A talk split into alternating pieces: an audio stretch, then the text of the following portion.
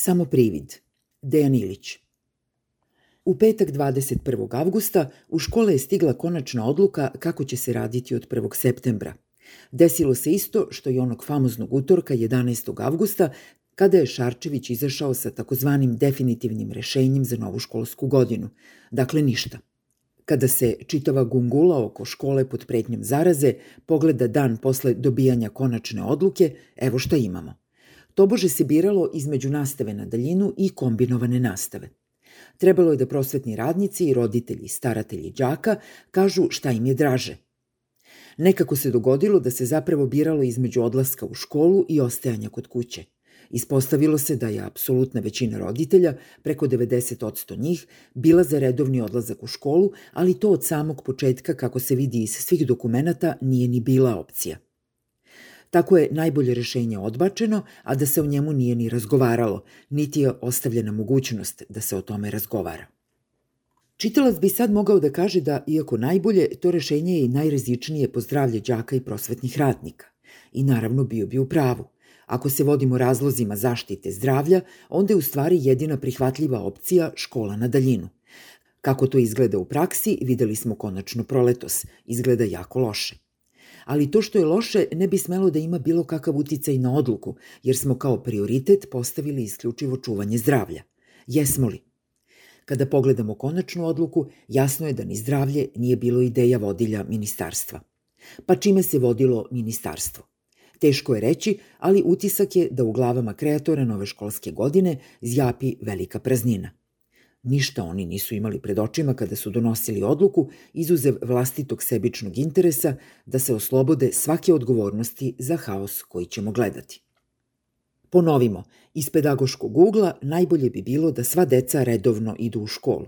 Redovni boravak u školi posebno je važan za učenike prvog i petog razreda osnovne škole i prvog razreda srednje škole.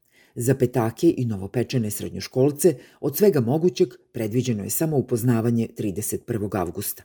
To je idiotska kompenzacija za ono što će im biti oduzeto kombinovanim modelom nastave. Ali ima i drugi ugao, zdravstveni. Iz tog ugla deca nemaju šta da traže u školi. Njihovo pohađanje škole opasno je bukvalno po sve – Škole se izuzetno lako mogu pretvoriti u jake generatore zaraze velikog broja odraslih ljudi. Ako se zdravlje postavi kao prioritet, onda pedagoški razlozi postaju nebitni, a jedini prihvatljivi model može biti nastava online. Pedagoški ugao ovde nikada nije imao prioritet, a zdravstveni samo razotkriva slabosti sistema i tekućeg režima, pa se odustalo od oba jedino odbranjiva rešenja. Dobili smo tako njihovu kombinaciju, pomalo od svega. Malo u školu, malo kod kuće. Iz pedagoškog ugla ovo je očajno rešenje.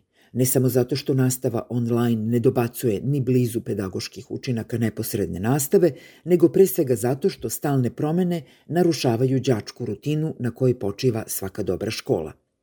Iz pedagoškog ugla biće to jedna rastrzana i haotična školska godina – Iz zdravstvenog ugla nema nikakvog učinka ako decu držite par dana kod kuće i par dana u školi na izmenično. Ono što ste sačuvali dok su deca bila kod kuće, trenutno ćete izgubiti kada odu u školu. Logika na izmenične nastave ravna je logici zabrane kretanja vikendom da bi se žitelji Srbije zaštitili od zaraze. To je uvrnuta i sileđijska logika koja ne daje nikakve zdravstvene rezultate. Srbija je iz drugog kruga zaraze mirno izašla i bez policijskog časa. Čitalac bi sada mogao da kaže da se kombinovanim modelom ipak dobija manji broj đaka u školi, što smanjuje mogućnost zaraze. To je sumnjiv argument. Prvo, on rešava samo gustinu đaka u učionicama, ali decu u hodnicima i u školskom dvorištu, te u proverbijalnim školskim klozetima, ostavlja u situacijama koje su ravne situacijama iz redovnog školovanja. Dakle, manjim brojem đaka u učionici ne rešava se ništa u vezi sa sprečavanjem širenja zaraze, jer drugde u školi sve ostaje isto. Pritom, kako smo o tome već pisali, smanjenje broja đaka u školi i održavanje redovne nastave nije izvodljivo. Rezon je sledeći. Ponedeljkom, sredom i petkom u školu idu peti i šesti razred, odnosno prvi i drugi gimnazije. Utorkom i četvrtkom, sedmi i osmi, odnosno treći i četvrti. Tako se smanjuje broj đaka u školi i dobija mogućnost da se odeljenja podele na pola. Pretpostavljam da se zamišlja, to nije opisano u rešenjima, iako se kaže da su razrađene u sitna crevca, da jedna polovina odeljenja ima recimo matematiku, a druga maternji jezik, pa onda obrnuto na sledećem času. Tako nastavnici koji bi držali časove jedan za drugim drže zapravo istovremeno dva časa istom odeljenju. Na tom mikronivou problem podele odeljenja i držanja nastave je dakle rešiv ali na makronivou škole rešenje nije moguće i neverovatno je da u ministarstvu to ne vide. Pomozimo im da shvate. Podelom odelenja škola se zapravo udvostručuje. Ako je u školi bilo sve zajedno, na primjer 20 odeljenja, podelom ćemo ih dobiti 40. Pritom, zahteva se da se prostor i dalje koristi samo za 20 odeljenja. Fizički se problem rešava tako što druga polovina škole ostaje kod kuće. Dakle, prostor škole se širi izvan škole i tako se fizički rešava njeno udvostručavanje.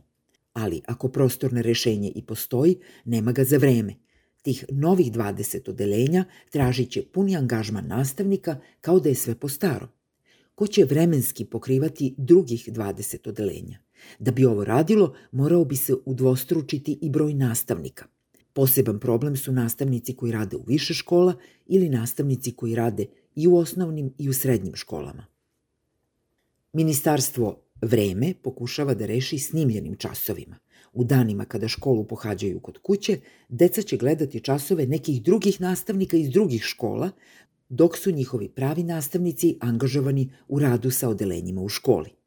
Ova vrsta sinhronizovanja nastave na nacionalnom nivou naprosto nije moguća, na stranu to što je i pedagoški neodbranjiva – Naprosto ne prelaze svi nastavnici i sva deca gradivo istim tempom i na isti način. Da se drži samo nastava po kućama, možda bi se to nekako i moglo progutati. Ali ovako se od živih nastavnika traži da se apsolutno prilagode tempu i programu koji je neko negde zamislio bez ikakve stvarne veze sa realnim kontekstom u kome se nastava odvija. To naprosto neće funkcionisati. Verujem da sve to znaju i u ministarstvu. Verujem i da ih nije briga za to. Njima je stalo samo do privida. Do privida da škola radi i do privida da se čuva zdravlje. A u stvarnosti nećemo imati ni jedno ni drugo.